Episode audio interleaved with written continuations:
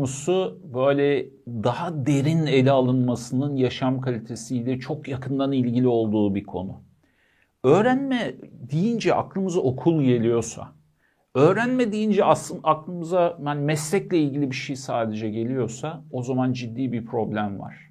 Çünkü öğrenme dediğimiz şey her an yaptığımız bir şeydir. Öğrenme temel olarak beynimizdeki nöronlar arasındaki ilişkilerin değişmesi olarak yorumlanabilir.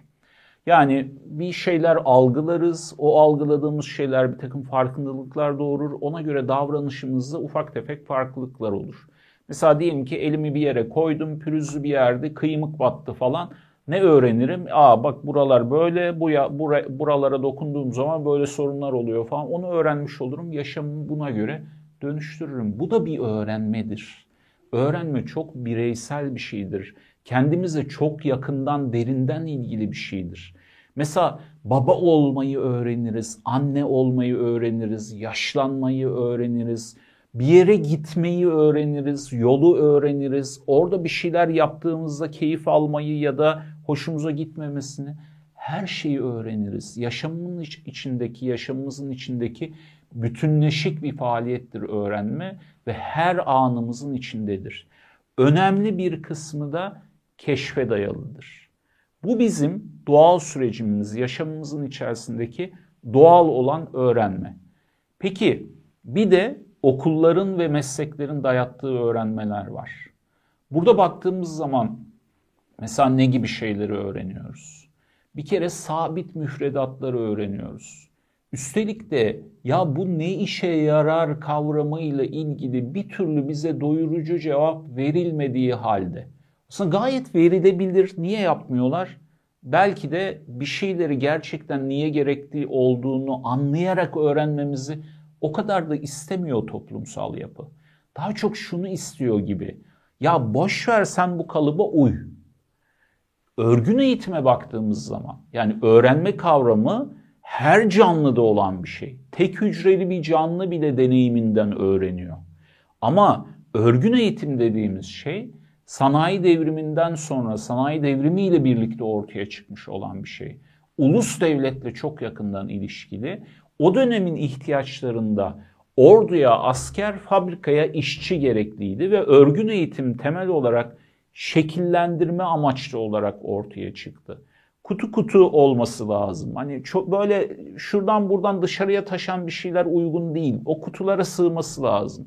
Orduya asker olarak koydun. O yönetici bir asker kurmay falan bile değil. Orduya er yetiştirmek için koydun. Çok düşünmeden o denileni yapması lazım. Fabrikaya işçi koydun. Çok düşünmeden denileni yapması lazım.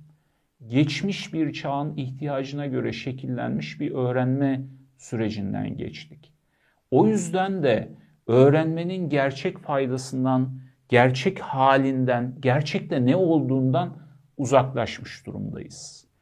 Yaşamımızdan öğrenmek çok kritik bir konu ve genel olarak yaşam kalitemizi en belirgin şekilde belirleyen konu bu.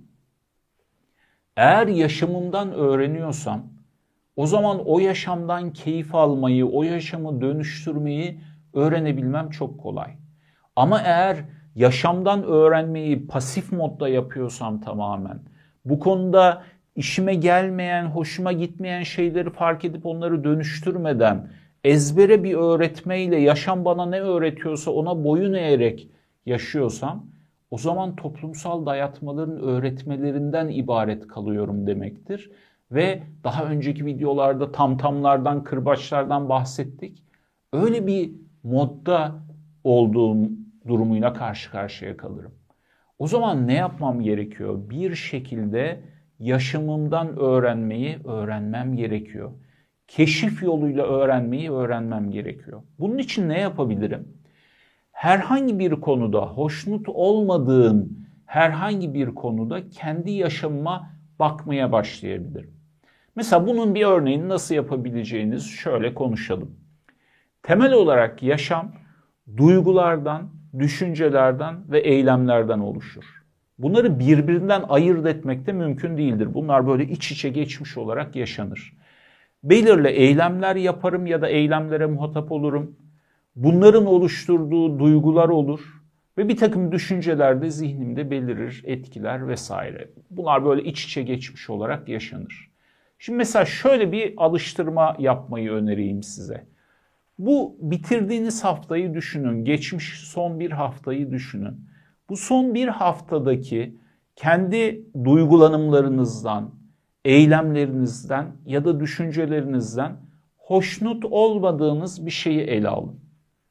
Acaba ben bunu niye yaptım? Yani niye bu duyguyla duygulandım? Bu duyguyla niye kendimi kaptırdım?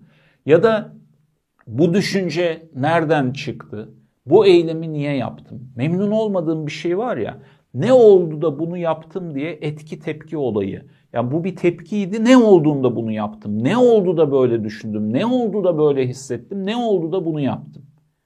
Bunu bir görmeye çalışın. Bu bir etki oldu. Tepki olarak bunu yaptım. Sonra da arasını açın. Acaba bu etki olduğu zaman otomatik bu tepkiyi yaptım ama arada ne oldu?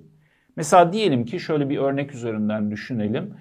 Ya yakın bir arkadaşımı kıracak şekilde öfkeli bir davranışta bulundum. Ha, acaba bunu niye yaptım? İşte bana haksızlık yaptı. O yüzden bunu yaptım. Ha, ne oldu o zaman? Haksızlığa bir reaksiyon olarak yaptığım bir şey var. Ama aslında burada otomatik olarak gerçekleşen bir takım şeyler oldu. Mesela o davranışı haksızlık olarak, adaletsizce bir davranış olarak yorumladım. Gerçekte öyle miydi, değil miydi? Otomatik olarak öyle bir karar verdim. Belki de haksız bir davranış değildi. Başka o haksız davranışla ilgili e, böyle kontrol etmekte zorlandığım kırıcı bir davranışla tepki verdim. Yani o diyelim ki haksızlık gerçekten. O haksızlığa karşı doğru reaksiyonun kırıcı davranış olduğuna karar verdim ve bunu kontrolsüzce bir şekilde hani kendimi de sonradan üzecek bir şekilde uyguladım. Bakın burada aslında otomatik olarak gerçekleşmiş durumlar var. Şimdi ben yaşamıma böyle baktığım zaman yani memnun olmadığım eylemlerime, memnun olmadığım duygularıma, memnun olmadığım düşüncelerime bakıp bu ne zaman tetikleniyor? Hangi etkiye karşı bu tepki ortaya çıkıyor? Onu inceliyorsam, bu arada hangi otomatik düşünceler gerçekleşiyor? Buna bakıyorsam işte gerçek öğrenmeyi yapmaya başladım demektir. Ve yaşam kalitemi iyileştirecek bir öğrenmeyi yapmaya başladım demektir. Peki ne yapabilirim sonrasında? Diyelim ki işte etkiyi belirledim. Şu durumlarda ben şöyle davranıyorum. Niçin böyle davranıyorum? Arada şunları düşünüyorum, şöyle şeyler tetikleniyor zihnimde, o yüzden böyle davranıyorum. Bu bir hipotez. Bakın bilimsel çalışmaya da geldik. Bilimsel çalışmanın özü neye dayanır? Bir durumla ilgili, bir belirsizlik, bir konuyla ilgili bir açıklama adayı üretebilir, üretirsiniz. Bu bir hipotezdir.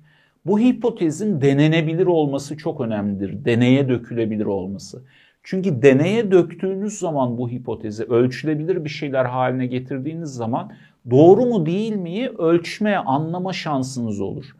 Eğer deneyiniz hipotezi destekler nitelikteyse ama tam emin olamıyorsanız biraz daha bu konuyla ilgili deneyler yaparsınız ve zamanla hipotezinizin görece geçerli olduğu yani aykırı bir durum çıkmadıkça buna inanabileceğiniz şeklinde bir algınız oluşmaya başlar. Diyelim ki hipoteziniz, hipoteziniz yanlış çıktı. Yani deneysel olarak denediniz ve öyle gerçekleşmedi. O zaman ne yaparsınız? Hipotezinizi değiştirirsiniz. Şimdi kendi yaşamımızdan öğrenmek bağlamında da hani etki vardı, tepki vardı. Örnekten yola çıkarsak arkadaşımızın yaptığı davranışı haksızlık olarak yorumladığımız için ve bu haksızlık olarak yorumladığımız şeye en doğru tepkinin kırıcı davranış olduğunu kararlaştırdığımız için içeride bunu yaptık diye yorumladık diyelim ki. O zaman ben bunu nasıl deneyselleştirebilirim? Nasıl hipoteze koyabilirim? Diyebilirim ki mesela haksızlık olarak gördüğüm şeylerde öfke bende, bende tetikleniyor. O zaman haksızlık olarak gördüğüm bir şeyi karşıma çıktığında bu gerçekten haksızlık mı? Onu anlayacak bir ara adım koyarsam buraya buradaki konuyu çözümleyebilirim diye bir hipotez kurmuş olurum. Ve bu hipotezi yaşam deneyimlerinde deneyerek gerçekten işe yarıyor mu? deneysel olarak görebilirim işe yarayıp yaramadığını. Diyelim ki aslında konu bununla ilgili değilmiş. Başka ne sebep olabilir? Bu sefer onu denemeye başlayabilirim. Bakın arkadaşlar öğrenmeyi böylelikle yavaş yavaş kendi yaşamımda kendimi keşfetmek için, kendi yaklaşımlarımı keşfetmek için, ortamla nasıl ilişkiler kurduğumu keşfetmek için, hangi otomatik yöntemleri kullandığımı keşfetmek için ve bunları dönüştürmek için kullanmaya başlamış oluyorum. Kendi yaşamımdan öğrenmeye başladığım zaman gerçek etkili olacak, işe yarayacak ve keşfe dayalı öğrenmenin yolunu açmış olurum. Kendini aşmanın yöntemi de budur. Kendi yaşamımdan öğrendikçe kendi hatalarımdan öğrenmeye başlarım. Hatalarımı sevmeye başlarım. Zamanla hata yaptığım zaman sevinmeye başlarım. Çünkü yakaladığım bir hata, farkına vardığım bir hata düzelttiğim zaman yaşam kalitemi artıracak bir şey demektir. İnsan zaten ancak hatalarından öğrenir ve kendi yaşamından öğrenir.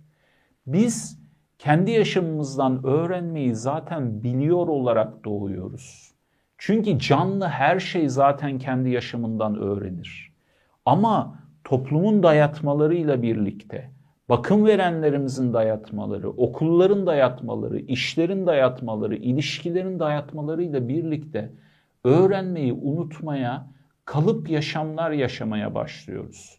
O yüzden arkadaşlar kendi yaşamımıza dönerek kendi yaşamımızdan yeniden öğrenmeye başlamamızda fayda var.